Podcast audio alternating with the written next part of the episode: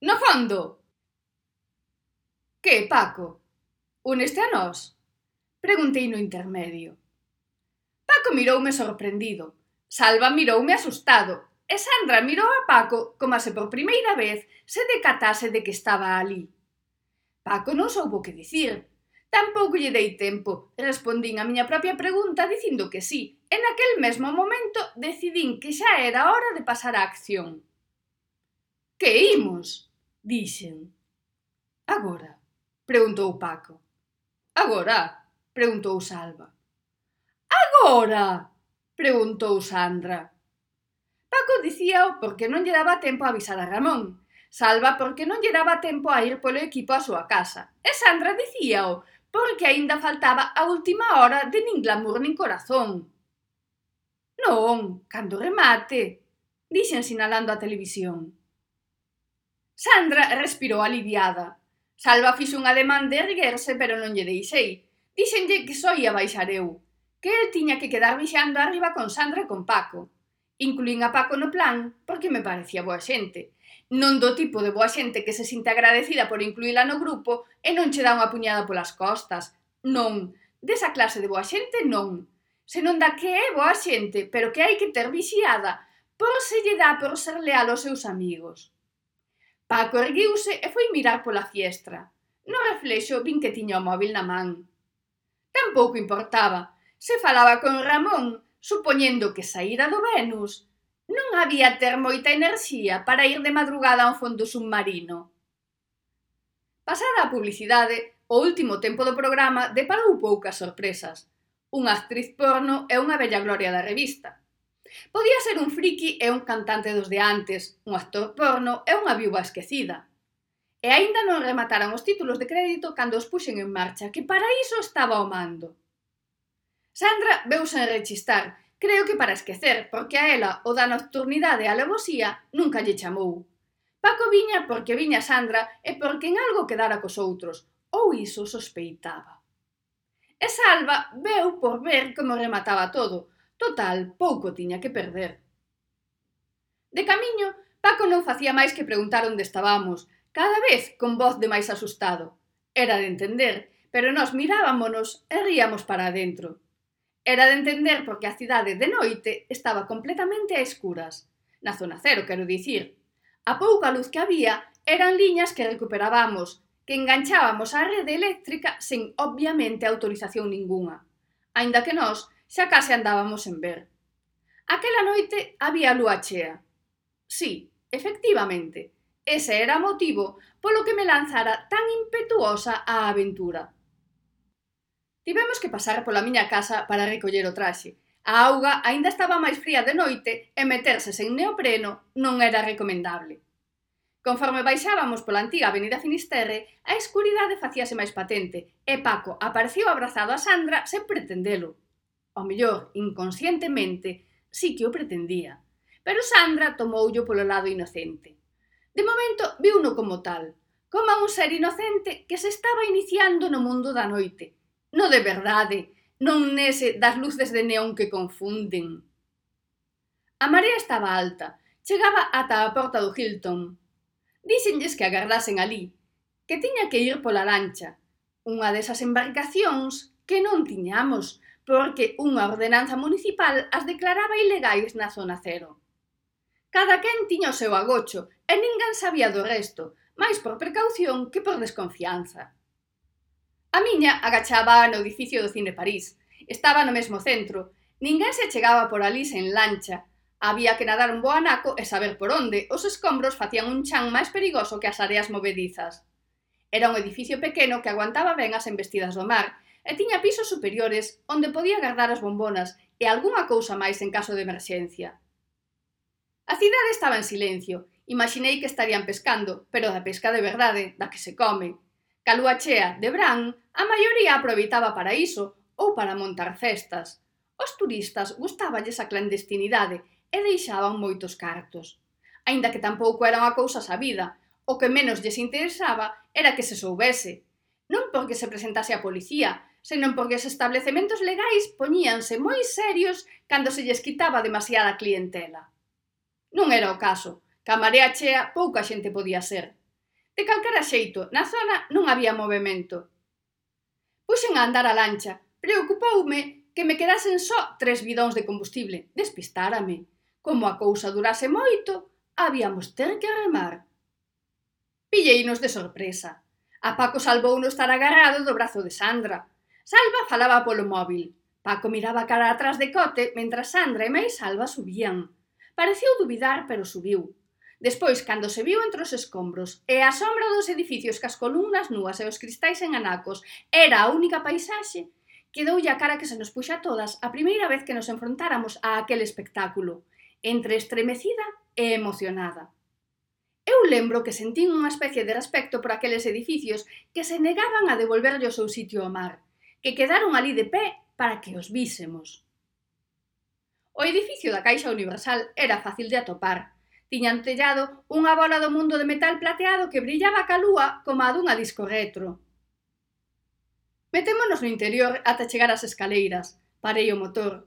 Salva baixou da lancha e atou na pé, mellor dito a perna, da figura dun romano de imitación medio en bolas que tiñan como suposta decoración de bo gusto na sede da famosa entidade. Baixou Paco e despois Sandra, que me axudou cas bombonas de oxíxeno. Puxen o equipo e comecei a baixar polas escaleiras. Nas gafas tiña un walkie co que falaba con Salva. Era raro que pasase algo, pero tampouco quería morrer ali. Trouxera a bombona a maiores, aínda que esperaba non precisala. Escoitei que Paco lle preguntaba a Sandra pola cobertura. Cobertura aquí? Preguntou Sandra sen decatarse de que falaba con alguén de fora. Non, aquí non hai, non poden. É a zona cero. Non é legal, as operadoras teñen que deixar libre esta zona se non perden a licencia. A voz de Sandra soaba cada vez con máis seco ata que a deixei de escoitar. A lanterna ia ensinándome o famoso soto da Caixa Universal, e contra do que poidades pensar, o corazón latexaba con forza, emocionado. E se a lenda resultaba certa. A auga estaba fría, e por moito empeño que puxen en pensar que non había monstruos mariños nin cadáveres con bloques de cemento nos pés, acabei pensando. Aínda así, seguín cara adiante, mellor dito, seguín cara abaixo. A escaleira enroscábase na profundidade, pero apareciu ante min un descanso de decoración exquisita que daba entrada a unha habitación, unha estancia tan espectacular que me pareciu digna de atención. Supuxen que era a sala de espera da Caixa Forte, por ser un salón antigo, con clase, feito a medida para que a xente con cartos se sentise cómoda deixando ali a súa riqueza de escura procedencia. Contra a parede había unha mesa de castaño de patas gordas e caixóns con incrustacións de marfil. E tiven sorte de dar azoado que a lancha non podía con ela, porque de súpeto comezou a parecerme máis interesante que a condenada lenda do tesouro. Encaixada entre a mesa e a parede había unha cadeira tamén de madeira maciza e sen aparente desperfecto. Por moito que baixase, sempre me asombraba atopar unha escena como aquela, case intacta, conservada, agardando, era emocionante, facíame sentir ben vida. Nadei por toda a estancia buscando a porta da caixa, pero desde logo non estaba ali. Xa me estaba cheirando que a lenda era unha fraude. Salín do salón e seguín escaleiras abaixo. Abaixo todo era hormigón visto. Algún peixe veu cara á luz. Un doume un bocado no pé que case me deixa no sitio, non pola dor, senón polo susto. Non sei canto baixei, o indicador da bombona estaba pola metade, pero a escaleira seguía e non había nada máis que escaleiras e peixes. Non quería mirar arriba porque me estaba arrepentindo. Por fin, a baixada foise facendo máis ancha e a escaleira rematou nunha estancia ampla, recuberta dun metal brillante, aceiro posiblemente. Dei unha volta arredor, a modo, esperando topar a porta da caixa, ou non atopala, quen sabe, ás veces é mellor que as lendas sigan sendo lendas e evitar a decepción. Non a vin, a estancia era circular e continua, non había a roda que parece un timón, tampouco a rodiña pequena con números arraias ao redor, Tiven que facer a ronda máis a modo, máis de preto, para descubrir onde estaba a porta. Porque tiña que haber unha porta. Non podía ser que unha vez alí, unha vez que por fin crera a famosa lenda, unha vez que me convenceron, non houbese tal. Quitei a luva da man dereita para ir tocando a superficie. Non debía facelo. O ulido da pel atraía os pequenos descendentes de Gastón. Nunca souben que ferisen a ninguén, pero cando me cadrou de atopar algún de fronte, Cagueime de medo en canto lle vin aqueles dentes afiados. Subín a baixei pola parede varias veces ata que atopei a fenda. Estaba xusto en fronte da baixada das escaleiras. Non anotei o a palpar. Foi cando me alonxei e a luz se reflectiu en dúas cores. O metal tiña os brillos dun lado para arriba e do outro para abaixo. Chegadas a ese punto, golpeei dun lado e do outro. Pouca forza podía facer porque a presión era bastante e custábame moverme. O empeño e cara a atopar a maneira de abrir a comporta, se é que a había. Mirei dun lado a outro de novo. Por algunha parte tería que haber un botón, ou unha palanca, ou algo. Claro que tamén quedaba a opción de que se abriese cunha chave ou cun mando a distancia. Sube, repito, sube, berraba Salva na orella. Sube xa! Xa vou un momento, dixen. Un momento non, sube xa! Oh, Ordeou. Non tive máis remedio que facerlle caso, parecía que o dicía en serio, pero marchaba con certa sensación de fracaso e dándolle voltas á sala de aceiro, repasando mentalmente. De súpeto vino, vino claro. Tiña que estar no pasamáns, nalgures. Volvín baixar. O pasamáns era unha barra de aceiro espetada na parede, ca separación suficiente para que unha se poidese agarrar en condicións. Non había adornos e cando cheguei abaixo de todo, ao remate, pensei que só se me ocorrían tonterías. Sube, hostia! berraba Salva. Dei volta para subir. Todo quedou a escuras, en silencio, en paz. Onde estás? berraba Salva ao lonxe. Sube, coño! Podía escoitar as pequenas correntes de auga esquivando os caprichos dun arquitecto pouco previsor. Sube dunha puta vez! dixo Salva perturbando aquel momento de paz. Sube polo que máis queiras, dicía desesperado. Paseniño, ca lanterna, foume abrindo paso. Vou baixar, pasoulle algo, falaba Salva desesperado. Seguín subindo, non entendía a desesperación de Salva, pero tampouco me decatei de tranquilizalo. Coño, Sandra, apura ca puta botella, dicía Salva. Xa o podía ver, Desde abaixo parecía aínda máis histérico que na superficie. Doume a risa, saín da auga e arrimeime a lancha. Vin que Paco se achegaba con urxencia e que Salva o seguía ca mirada ata min. Puxo unha cara de desesperación que non entendín. Igual pasara algo mentras estivera abaixo. Botaron nunha man e sacaronme da auga. De novo volvín sentir a paz aquela do fondo. Ben vida, Xiana! Dixo Xavier Carimbano, É un placer terte con nós esta noite. Eu sentei. A verdade é que estaba algo nerviosa. O público aplaudía con agarimo e o momento de ver en persoa a Xavier Carimbano foi moi emocionante. A Charo coñecera uns meses antes nunha cea benéfica a que me convidara Rosalía Cundins e na que me presentou por fin o seu marido. Non é que tivera moito apuro por coñecelo, nin que me fose a vida no tema. Pero tiñalle prometido a Sandra unha foto do especime en canto lle dixen que coñecera a Rosalía. A Aria coñecera na boda de Cuquita. Non me carrara sentar preto dela, pero a hora da música e das copas de madrugada acabou saudando a todo o mundo, facendo gala do seu xenio e simpatía. Mais complicada é a relación con Artur e Bismi. Non é que me estorben, pero telos detrás todo o día ás veces éncheme. Nunca cheguei ao extremo de montarlles un número, nin a eles, nin as que me agardan co micro na man a saída da casa. Pero ás veces dábame gana de botar de menos aqueles tempos nos que podía sair calegaña e camada hostia. Cando o rexedor mandou sentar o público e a música parou, mirei a Xavier, El mirábame co seu sorriso irresistible e medio me puxen tonta. Pero non me dou moito tempo. Volviu dicirme que me daba benvida, que era un placer e que me agradecía moito o estar ali. A verdade é que fun porque Sandra me mataba se lles dicía que non, pero ben sabía que me ian dar caña. Pero é que a Sandra dáballe algo. Non paraba de dicirme que a min que máis me tiña, que non me ian quitar nada, Quero unha morea de cartos para limpar a miña imaxe doándolla a unha ONG e quedando divinísima.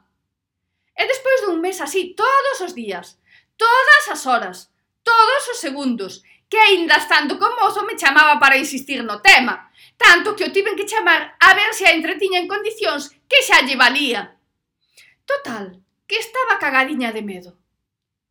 O primeiro foi poñer o vídeo resume cas novidades dos tres últimos meses, En realidade foi aí cando realmente se comezou a falar de min, a sair nas fotos. Antes só me seguían porque aparecín nas festas así como da nada e suscitei algo de curiosidade.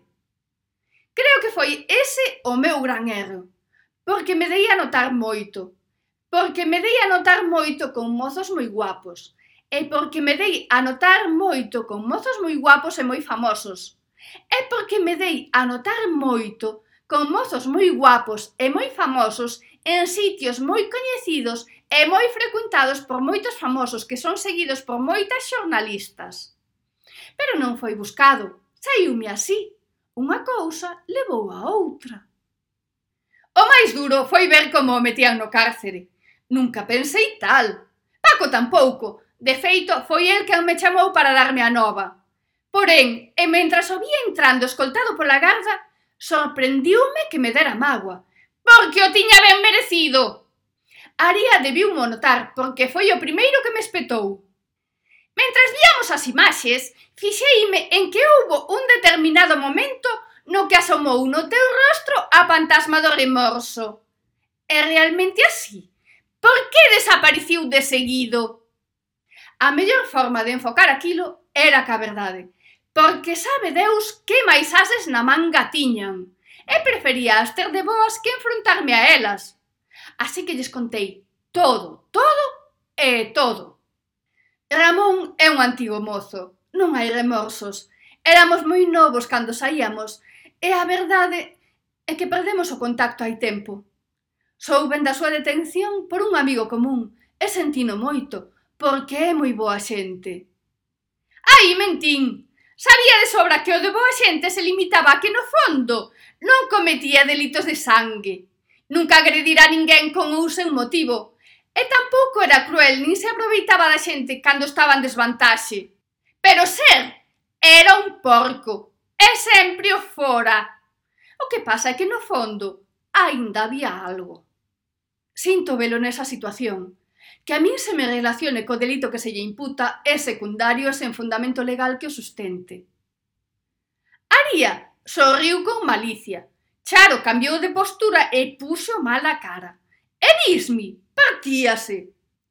Artur interrompeume e díxome que sí que había fundamento. De feito, chegaranlle informacións moi fiables sobre o tema. Eu argumentei que mentras esas informacións non foran estimadas oportunas por un xuzgado, non tiñan validez legal e eran meras especulacións. Charo alterouse máis.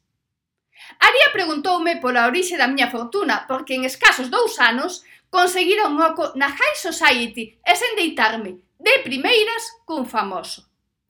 Eu aclareille con gusto que fixeron as inversións acertadas cando repuntaba a economía e que non fora a única, Despois adiqueime a disfrutar da miña fortuna, posto que entendía que para iso eran os cartos. E máis sí, para podrecer nun banco non os tiña. Charo revolvíase. E de onde obtiveches os cartos para esas inversións? Preguntou Charo. Dunha herdanza. Dixen cunha tranquilidade pasmosa. Aí Charo non aguantou. Apelou a nosa amizade as tardes compartidas na casa de Rosalía e pediume que fora sincera. Existiu realmente tal herdanza? Porque en Facenda non saben dela. Dixenlle que si existía, aínda que non fora unha herdanza no sentido estricto da palabra. Que non me gustaba moito falar diso porque proviña dunha persoa que obtivera unha indemnización do seguro polo do maremoto e que realmente non perdera o ben asegurado e que fora ese ben o que me transmitira unha vez faleciu. E non mentía. A Caixa Universal non declarara os cartos do tesouro. Que a culpa foi deles. Tamén dicen que eu si sí declarara ese ben e que Facenda nunca me preguntara de onde o sacara. E se non o fixera, sería porque lle interesaba máis o que recadaba que a procedencia lícita ou non dos meus ingresos. Charo pareciu calmarse, como se camiña a resposta conseguir a demostrar os seus argumentos e non quedar mal co programa. Pero Bismi tiña máis ases na manga e preguntoume se esa persoa favorecerá máis persoas con esa xenerosidade, porque Ramón alegara na súa defensa algo moi parecido. Respondín que sobre iso non podía dicir nada, pero que era posible, porque co maremoto saiu a luz moita economía sumerxida e había que darlle saída. Esa persoa tan xenerosa podería ter un alto cargo nunha entidade bancaria? Preguntou Bismi con sorna. Aclareille entre risas que no meu caso non. Que non coñecía a ningún alto cargo de entidade bancaria algunha que fose xeneroso en ningunha medida. O público aplaudiu enfervorecido. O presentador sorría encantador. E no caso de Ramón, volviu preguntar Bismi tamén sorrindo. Volvín dicir que non coñecía os pormenores do caso. E era verdade. Non conseguía que ninguén me contase como dun día para outro aparecera Ramón detido e acusado do roubo do tesouro segredo da Caixa Universal é que non me cabía na cabeza como a Caixa chegara a denuncialo e como Ramón chegara a inculparse ou a permitir que o inculpasen.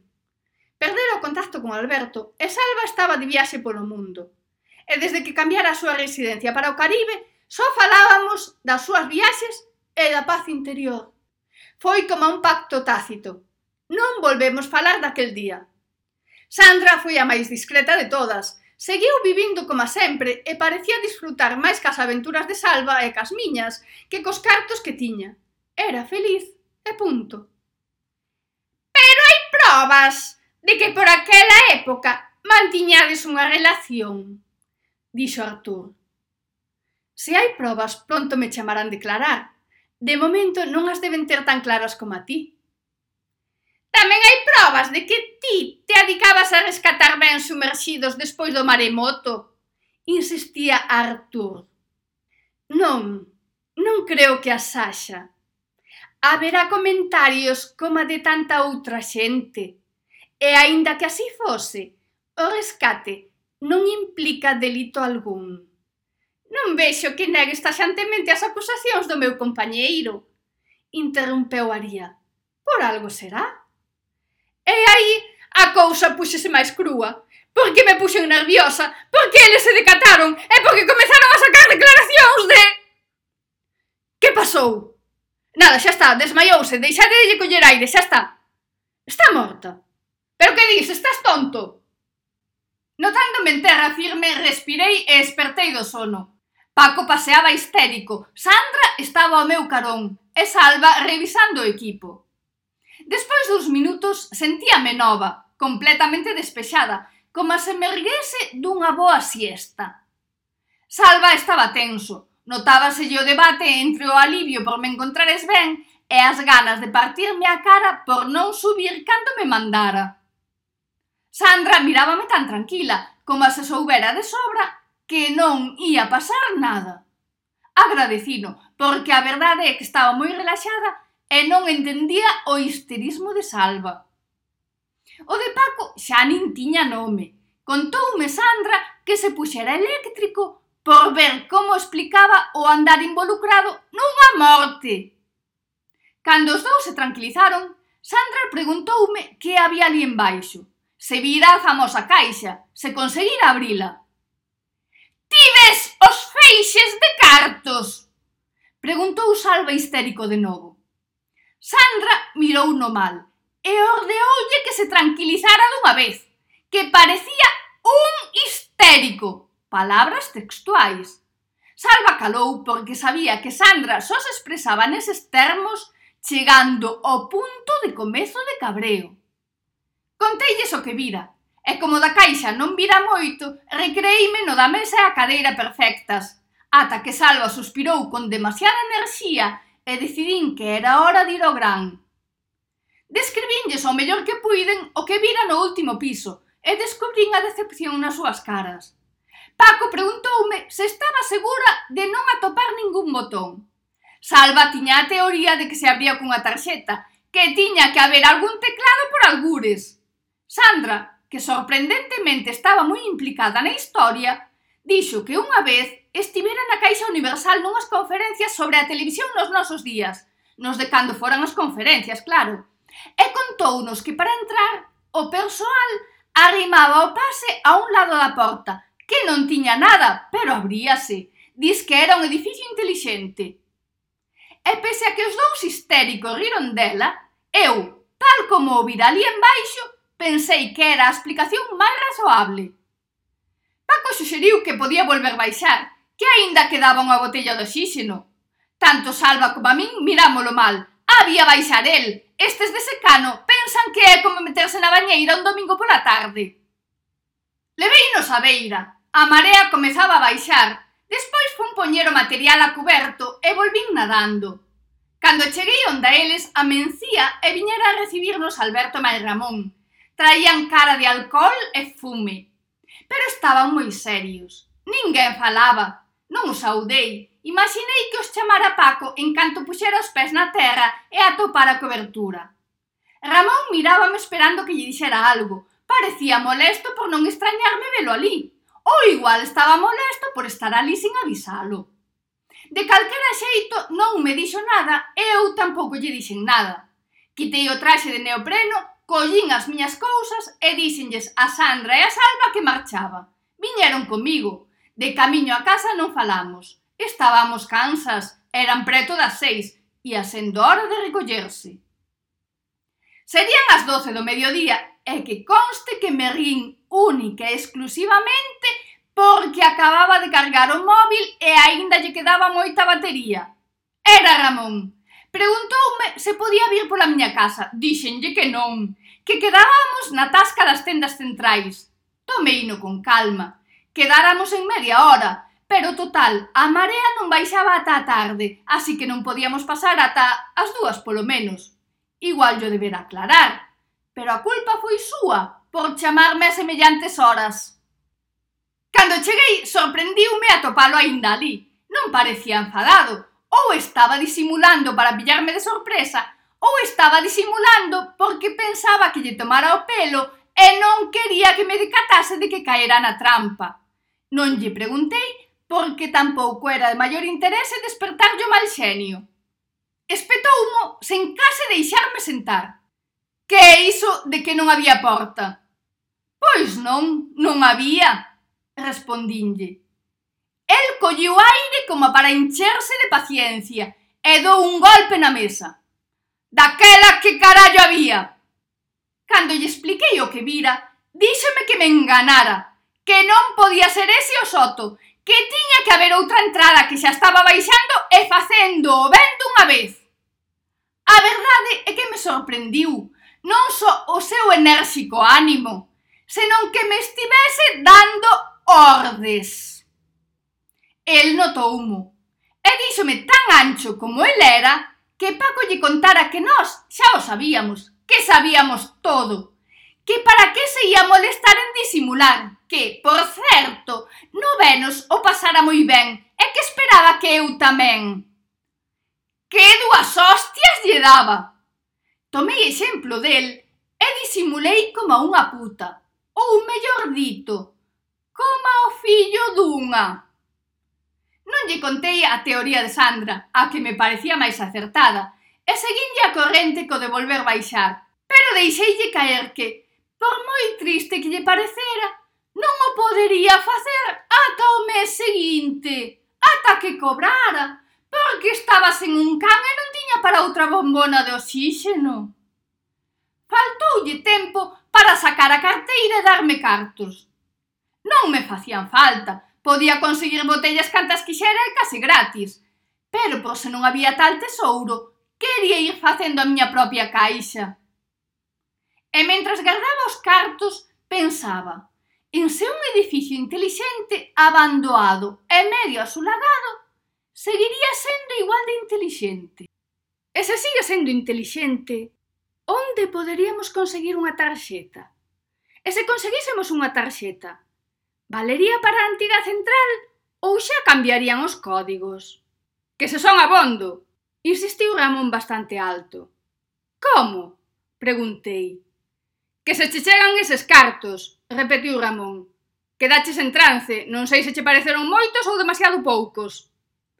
De súpeto, sentínme violenta aceptando os seus cartos, e a pique se estiven de devolverllos. Pero os cartos custalles moito sair da miña carteira, así que lle dixen que chegaban, erguínme cos meus remorsos e marchei.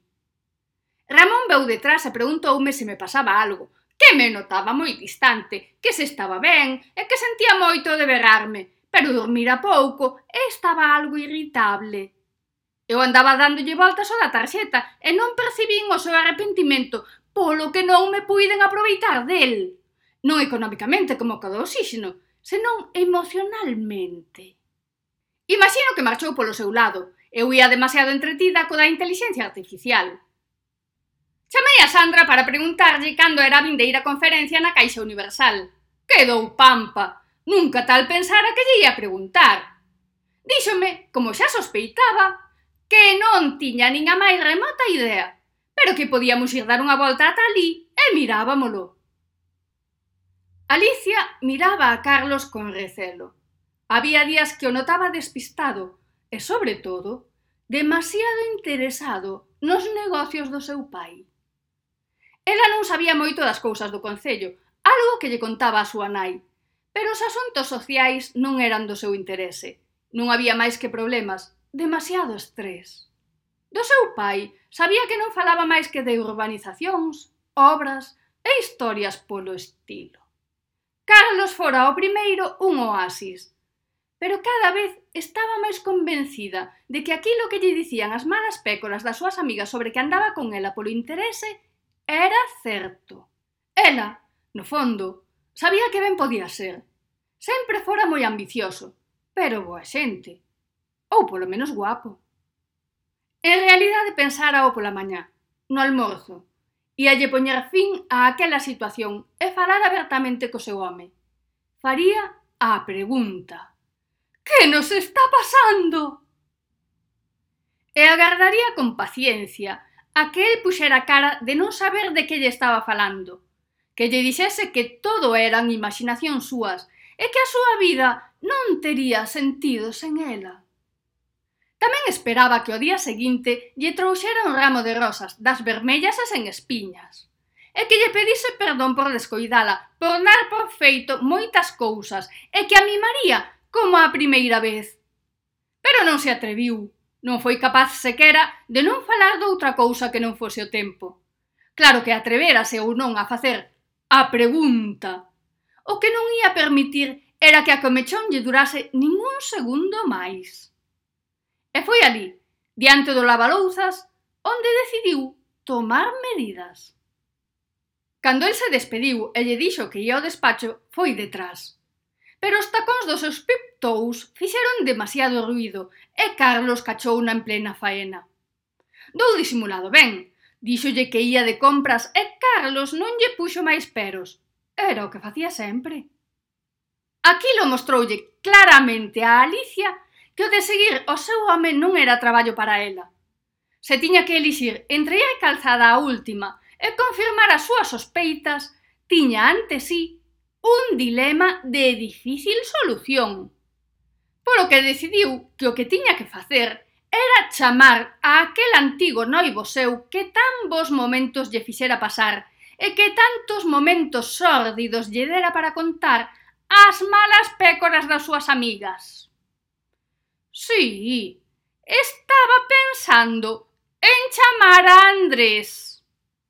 En realidade non o estaba pensando, Pensou no, no momento en que estaba voltando a casa para cambiar os tacóns polas trainers de cando xogaba o tenis no club.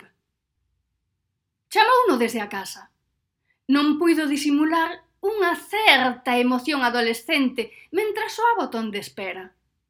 Tamén imaginou unha torrida escena sobre a mesa do despacho, resultante do intento de Andrés por consolala ante a infidelidade do seu marido. Que pasa, meu? Andas facendo vida familiar? Preguntou Andrés con confianza. Alicia quedou paralizada, sen saber que dicir. Ois! Dixo Andrés berrando. Eh, eh! O corazón de Alicia latexaba con forza, como a primeira vez que entrara na habitación dos pais buscando preservativos. Ba, volviu confundir o inalámbrico comando a distancia. Eu colgo, iches! berrou de novo Andrés. Anda que che dean! Alicia non sabía se matar o seu pai ou deixalo vivir para que vise como se divorciaba do abogado que tamén lle parecera para casar co como lle chamara. Sin vergoña profesional e llegou lo accidental. Se non fose tan fina e non se estivese mirando no espello do vestíbulo, soltaría un taco do tipo de «Será cabrón!» O seu pai seguía falando con aquel malnacido que intentara desvirgar a súa filla. Iso era todo que un pai tiña que saber. Co malnacido que dixera no xuicio de divorcio que a súa muller era unha calquera. Daba igual. Como dicía Escarlata, diso xa se ocuparía despois. Colliu de novo o teléfono e volviu marcar. Marcou con pulso firme. As indecisións de nena rica quedaran aparte. parte. Que? A ver, ó, xa pensaches o que querías? Dixo Andrés. Como te pilla a tua ex gastando o teléfono vai te poñer a andar? Sí, xa pensei o que quería. Dixo Alicia con voz de ultratumba. Andrés non respondiu. Alicia puido escoitar como se movía bruscamente, como incorporándose. Non esperaba que deses berros de emoción ao volver a escoitar a miña voz. Pero tampouco este silencio. Dixo Alicia con sorna. Despois duns segundos, Alicia volviu falar. Nesta ocasión empregou un ton exixente. Pediulle que lle respondera dunha puta vez. E para non ter práctica saiulle ben porque Andrés tartamudeou unhas palabras que ela non entendiu, pero que lle deixaron claro que o tiña firme é a súa mercede. Por uns segundos pensou en que sería da súa vida se se puxera firme con el daquela, en lugar de deixar que o seu pai o arranxase todo. Pensou se seguiría sendo tan guapo como o lembraba, se aínda sentiría aquel saltar no corazón cando o vise. Pero de novo veulle o sabio consello de Escarlata á cabeza. Iso máis adiante. Díxolle que precisaba a súa axuda para un traballiño. Andrés tratou de negarse, pero ela non lle fixo caso e ata que aceptou unha cita non parou. Tan pronto como colgou, sentiu un ataque de pánico. Se o concellal se enteraba de que volvía a andar enredado ca súa filla, ia o ter moi fastidiado. Pero se ela se ia da lingua ca muller do concellal, tampouco ia acabar moito mellor. Podía o denunciar por presurio e todos os xuicios nos que fora falsa testemunha quedarían en cuestión e quen sabe se anulados.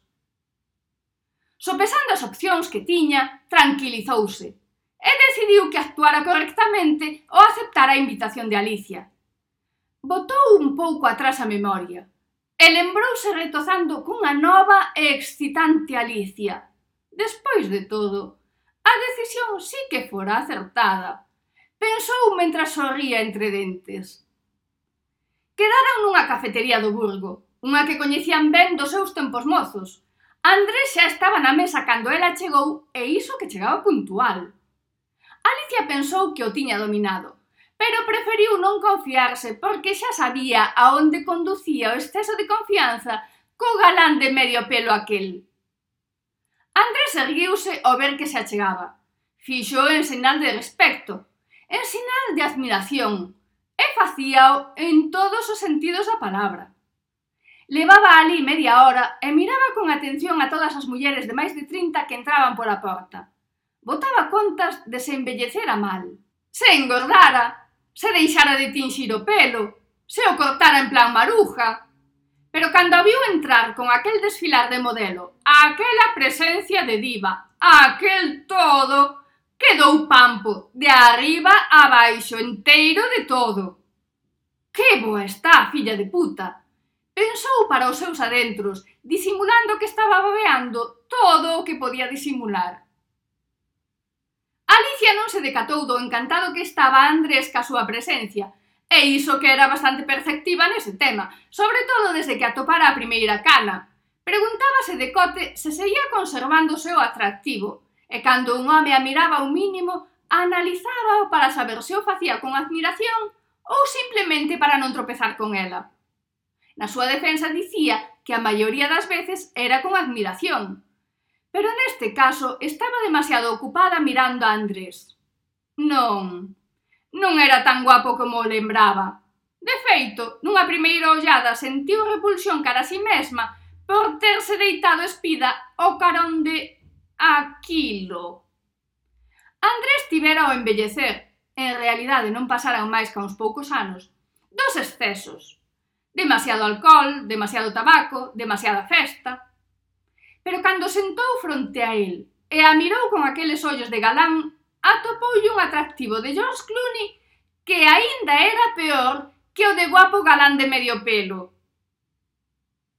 Foi a intervención da camareira a que fixo que as admiracións mutuas se desen un respiro e que Alicia volvese a escoitar a escarlata na orella dicíndolle «Iso para despois» e se puxese o tema. Andrés non escoitaba nin palabra do que lle estaba dicindo. Xa pasara de lembrar as tardes de diversión, estaba no de imaginar noites de paixón desenfreada. E cando Alicia lle preguntou cando comezaba, el respondiu que, de inmediato, Dixo sen saber a que estaba respondendo, claro, e foi despois de rematar o café, cando espabilou, que lle preguntou que quería exactamente. Alicia daquela mirou no enfite. E sí, por fin se decatou da mirada lasciva de Andrés. Sorriu por dentro, díxose para sí. Vas te enterar. Con paciencia explicoulle que quería que seguise o seu home, Carlos, que sospeitaba que a estaba enganando e doulle unha foto, o enderezo do traballo e algún detalle máis. Andrés colliu a foto e viu un guapo de cara con pinta de neno ben estirado e que por riba se lle facía moi coñecido. Fixo memoria, pero non o daba situado, e como lle parecía máis entretido seguir repasando a Alicia, preferiu pensar que igual o vira co concellal nalgúnha ocasión. Alicia despediuse del con frialdade, para jodelo. Agora que sabía que aínda conservaba o seu atractivo, íallo facer pagar ben caro. Andrés seguiu na camirada mentre saía da cafetería. Está impoñente. Volviu pensar Andrés. Non hai ningunha conferencia programada para este mes, dixo a resabida de uniforme. O noso gozo nun pozo, Sandra dou a volta para marchar e ia detrás cando vin na tenda de regalos un póster moi chulo dun cadro que pasara polas miñas mans había algún tempo e chamoume a atención e fun ver canto custaba. Cando tivera o original nas miñas mans non me parecera moita cousa, pero seguro que custaba unha pasta. Ia facer unha regra de tres co custo do póster, aínda que non era unha conta moi exacta a verdade. Sandra veu detrás sen moito interese. A arte abstracta non era moito do seu gusto. Mentras cotilleábamos os prezos, foiseme a orella a unha conversa que estaban mantendo o dependente da tenda máis unha das azafatas. Tampouco era demasiado interesante. Falaban dunha cea a que deberan ir a noite anterior. E estaban rindo dun dos compañeiros que, ao parecer, ligara con alguén pouco fino no karaoke. Tiñano todo grabado no móvil e a canción soaba bastante penosa. O bo foi que mentras estaba mirando de reollo para intentar ver o vídeo da noite tola, pousei a miña sutil atención nunha correa que levaban as dúas ao pescozo e que acababa nunha tarxeta. Tarxeta! A palabra máxica. Non había que agardar a que houvese unha conferencia. Ali había dúas tarxetas. E aínda máis.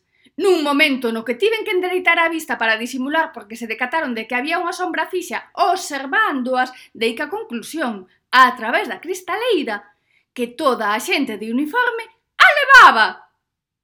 A tarxeta era como esas? Preguntei a Sandra en baixo. Coma cal? Respondiu Sandra tamén en voz baixa. Coma que levan todas colgadas, dixen. Sandra dou voltas de redor, mirando sen centrarse, Como se vise, nada, que dicían na historia interminable. Joder, non había máis que xente con tarxetas colgadas e a tía que non se empanaba.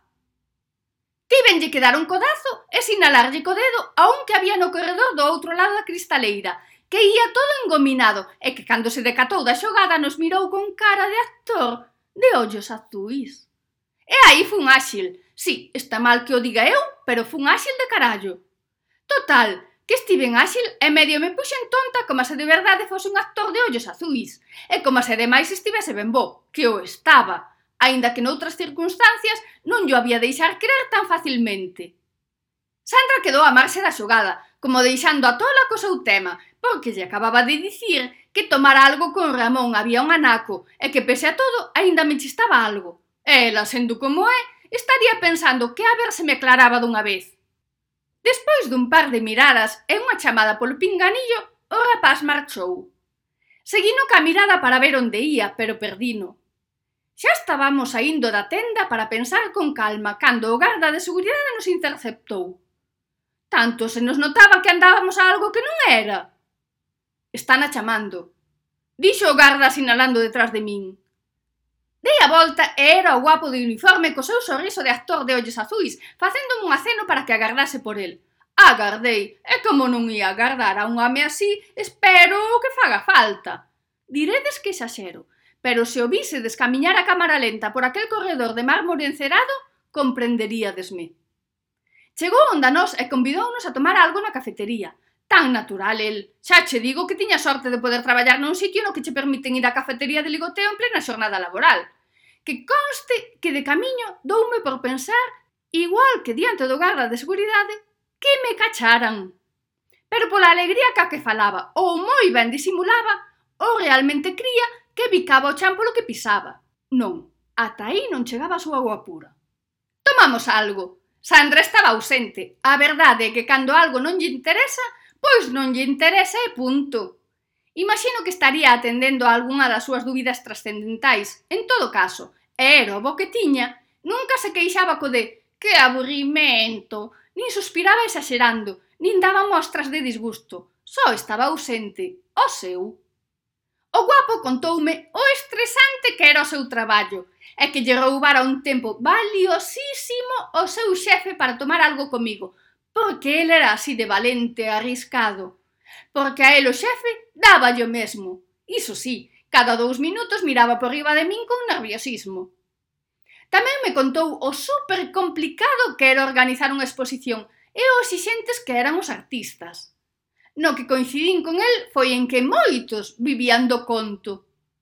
Pola brasa que me estaba dando, xa calculaba que para quitarlle a tarxeta do pescozo o ia ter que emborrachar. Afortunadamente, pasaron dúas rapazas por ali e sinalaron o reloxo. Foi o que me salvou. Sacou a correa e deixou a tarxeta enriba da mesa. Botou un sorriso de alivio e púxose a facerlles monerías e as outras a facer o baile de Pulp Fiction.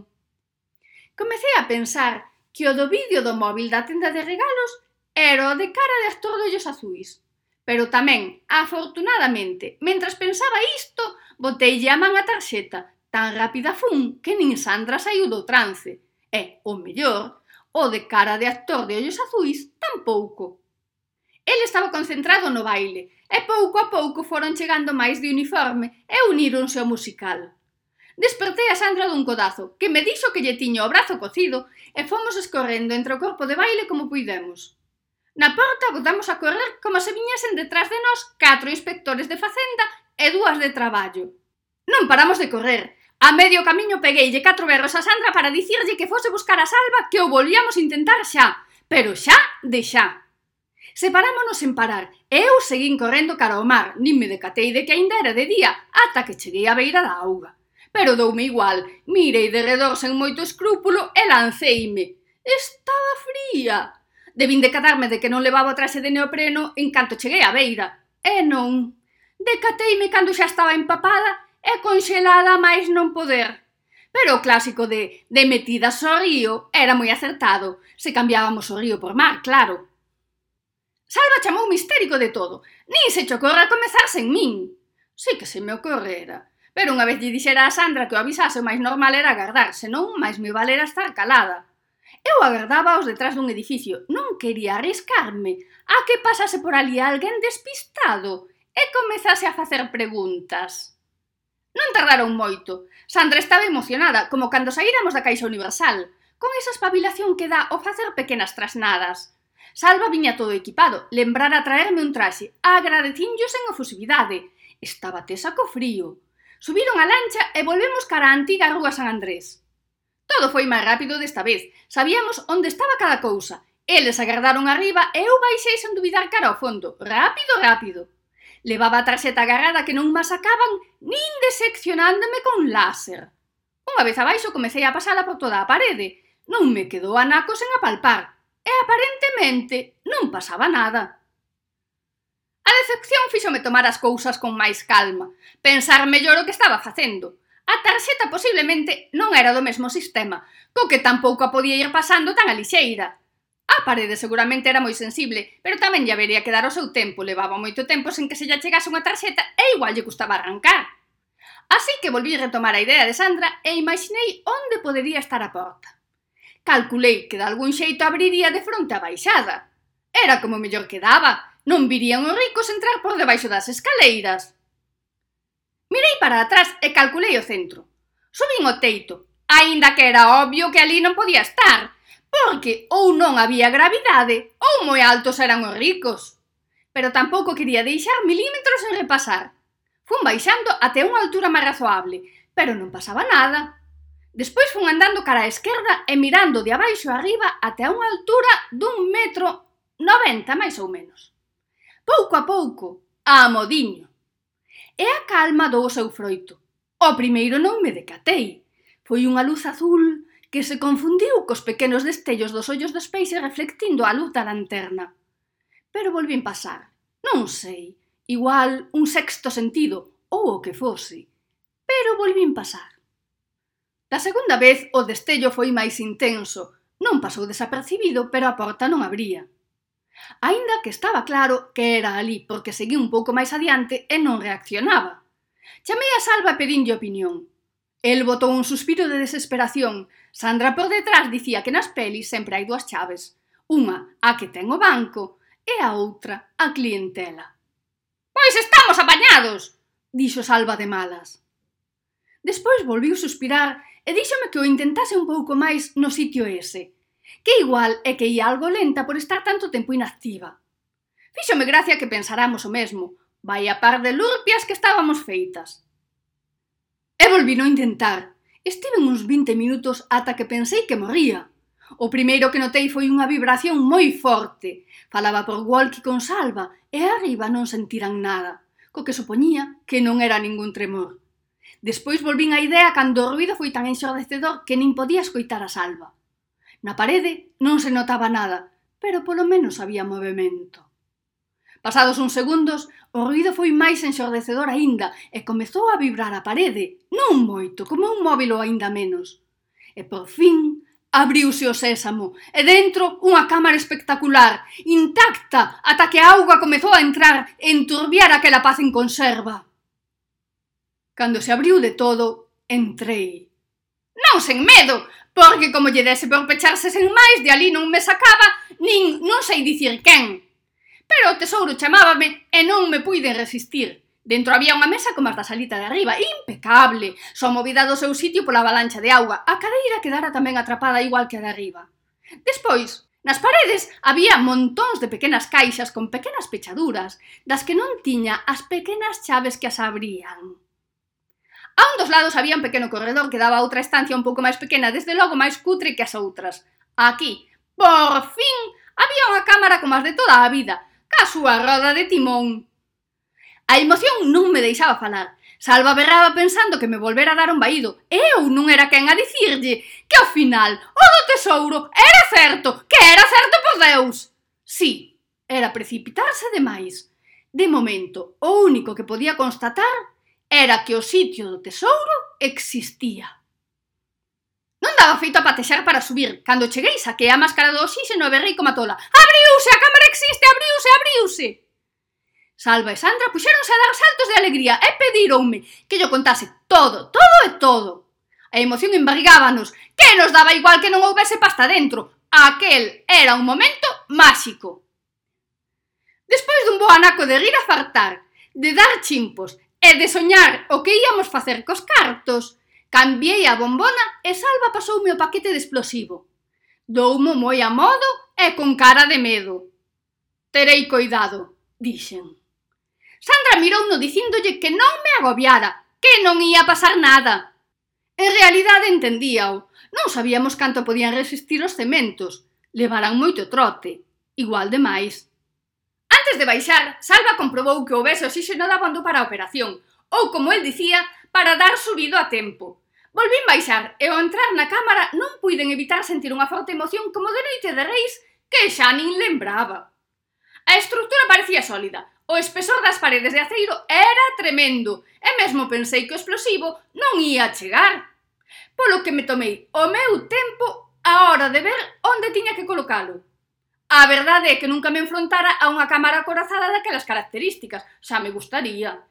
Pero dentro da miña inocencia imaginei que sería igual que algunha da mesma marca que si tivera a honra de coñecer, só que o grande, sen dúbida, e mentras o pensaba, íame decatando de que estaba enganada. Pero por algún lado había que comezar. Decidín empregar só a metade da carga. Outro erro pola miña parte, aínda que tiña esperanza de que se acertaba ca posición da carga e non era suficiente potencia, a poidese rematar co resto. O erro do cálculo estaba na obvia posibilidade de que me enganase na colocación da carga. Con moito coidado manipulei o explosivo e con máis coidado aínda coloquei o detonador. Saín ata as escaleiras para pulsar o botón, ate o seguinte piso, polo menos para poder fuxir. A idea de quedar ali atrapada aterrábame. Pola radio avisei a Sandra e a Salva de que ía primeiro botón e que se puxesen a cuberto por se pasaba algo collín aire e apretei. Non se escoitou a explosión. Tan só, de súpeto, a auga arrastroume, ou mellor dito, absorbiume, e por uns minutos perdín o control de todo. Volvín sentir o medo de pesadelo daquel día que me arrolou unha onda cando estaba aprendendo a nadar na mesmiña beira da praia de San Amaro. Que? Que en San Amaro non había ondas? Bueno, vale. A onda non era moi grande, Pero eu era moi pequena e quedei impresionada. Choquei contra moitas cousas.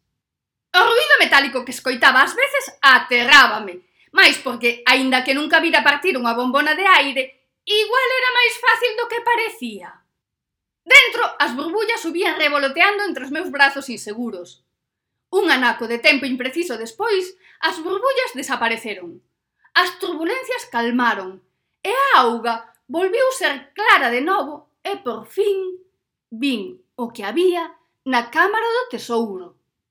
Que hai, que hai? repetía insistente Salva. Había montóns de maletíns, deses metálicos das pelis de espías, apilados, como as pequenas caixas de seguridade da sala de fora.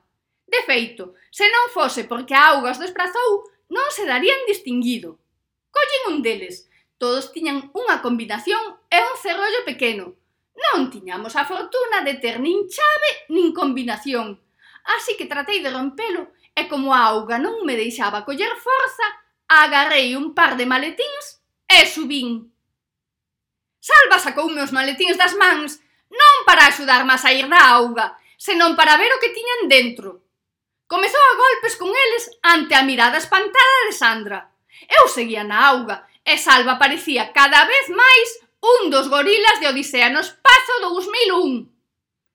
Cando Sandra se fartou de escoitar os golpes desbocados de Salva, quitoulle un dos maletíns, fixo palanca cun ferro que había por ali e abriu uno. E a nós abríronsenos os ollos. Podo dicir, sen lugar a dúbidas, que nunca vira tantos billetes de 50 euros xuntos. Ni nunca os volvería a ver.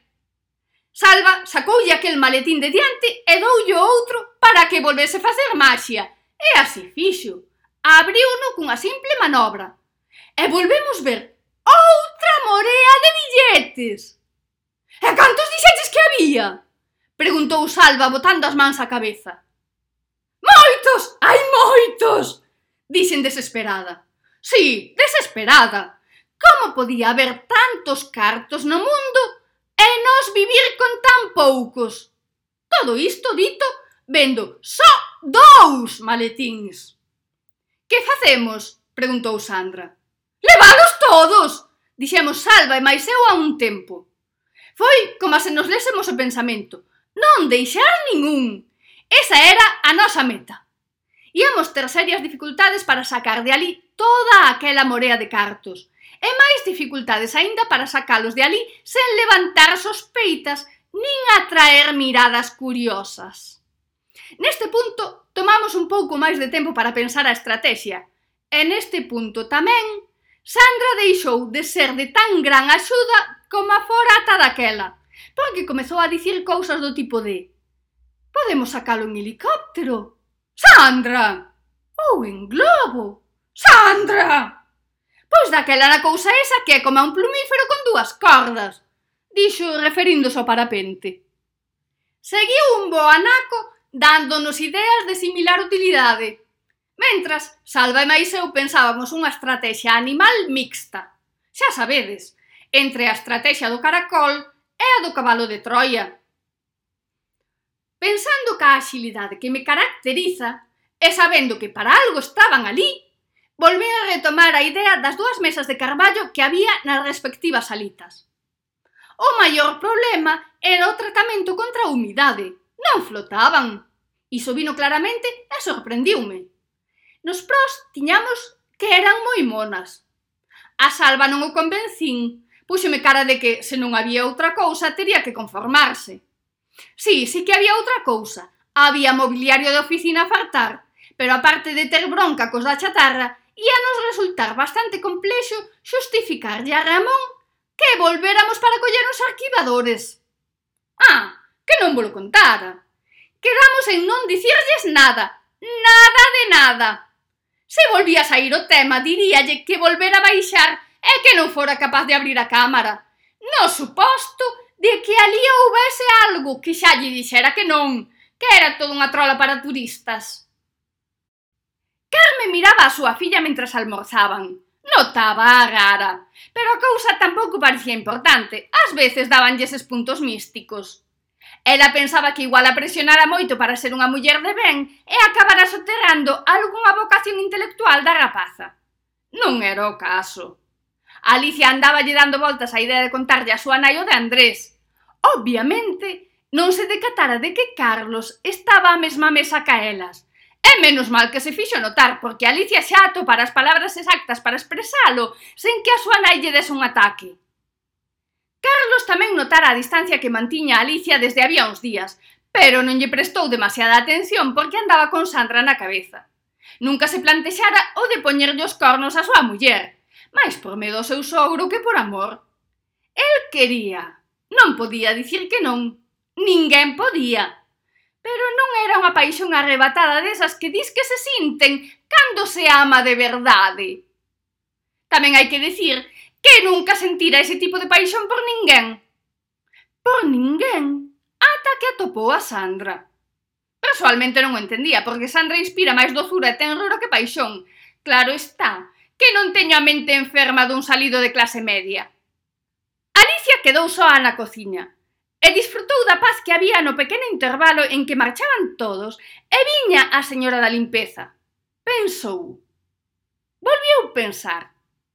Non, mellor non. Estaba pensando en chamar a Andrés. Pero ao final decidiu que non era o mellor. Tería que chamar el. Sí, iso era o mellor. Sempre se precipitaba Ese Andrés o notaba, volvería ter o control da situación e o seu plan de facelo sofrer fracasaría. Andrés non a ia chamar, polo menos nun tempo. Non tiña nada que contarlle. Cando se decatou de que Carlos era o abogado de Salva, preferiu deixar o tema ata que pasase o xuizo. Era intelixente da bondo para non forzar a situación. Conseguira cargarlle o marrón a Salva, ese Carlos era bo, conseguiría sacalo del sen moito esforzo e ao final todos quedarían libres, sans e salvos. Pero se se achegaba moito e o tal Carlos se decataba, igual podía alegar escuros motivos e devolverlle o marrón a él. E así pasaron unhas dúas ou tres semanas que para Alicia foron longas. A incertidume polo extraño comportamento de Carlos, a emoción de ter un motivo para deixalo e vivir unha emocionante vida xunta a Andrés por uns meses, e despois outro, e despois... E despois recibiu a chamada de Andrés. O corazón latexaballe rápido. Cando podes quedar? Preguntou Andrés con voz cansa. Alicia quería dicir Mañán non podo. E saiulle un Cando queiras. Despois pasou todo o día repasando a frase para convencerse de que non soara demasiado ansiosa. A verdade é que o conseguiu. O de convencerse, porque para dicir máis verdade, sí que sou ansiosa. E o que é peor aínda para ela, Andrés, notou uno Ainda que, por sorte, o animaliño estaba pensando noutra cousa e supuxo que a ansia era por saber do seu home e non por el. Quedaron no mesmo café da outra vez. A el pareciulle máis práctico. A ela pareciulle moi romántico, como o seu lugar segredo. Que non era segredo nin nada, pero a imaginación ten estas cousas. Andrés xuntou as fotos que lle sacara a Carlos. Non tiñan ningunha importancia, Era do máis inocente, pero tomou moitas molestias para que unha confidencia no oído de Salva parecese un morreo a Sandra. Eu diría que seguindo a gran escola do tomate. Alicia chegou tarde, tranquila, divina para ser máis exacta. Andrés estaba inquedo. Tiña medo de que Alicia non lle seguise pagando, que a montaxe fose demasiado boa e xa conformase. Era raro. Normalmente con ese cebo todas querían saber máis. Por qué? Que ten ela? Que lle dá? Todas esas tonterías que Andrés escoitaba unha e outra vez. Era o que lle daba de comer. A el se lle puxeran os cornos. Con poñer as maletas fora da porta xa o solucionaba. Pero as mulleres e as nosas dúbidas trascendentais eran ben máis rentables. Alicia colliu as fotos cas dúas mans. Mirou unas. Púxoselle aquela mirada que Andrés recoñecía como o síndrome da muller abandoada. Calculáballe uns cinco minutos antes de botar a chorar como unha madalena. Enganouse, como con case todo desta nova Alicia. Só me traes isto? Preguntou Alicia con exixencia. Só, dixo Andrés buscando unha excusa rápida non lle valiu de moito. Notase que Alicia tamén seguía, igual que a min, a escola do tomate e recoñecía unha montaxe en canto había. Andrés comezou a poñerse nervioso e isto fíxolle alterarse e como consecuencia poñerse máis nervioso aínda. Alicia botouse para atrás no respaldo e observou uno con distancia. Buscaba aquel encanto de George Clooney que lle vira na anterior cita. E non o atopou. Algo hai, dixo Andrés por fin. Sí, pode haber calquera cousa. Polas sombras da mesa había outras dúas persoas. Dixo Alicia con seguridade. Con tanta seguridade que ata ela lle pareciu que sabía de que estaba falando. E aínda nunca se parara a contar a sombra de nada. En aquel mesmo momento chegou a tres determinacións que marcarían o resto da súa vida. Primeira, Carlos non lle valía nin para divorciarse. Segunda, a Andrés non lle valía nin para divorciarse. Terceira, ela valía moito.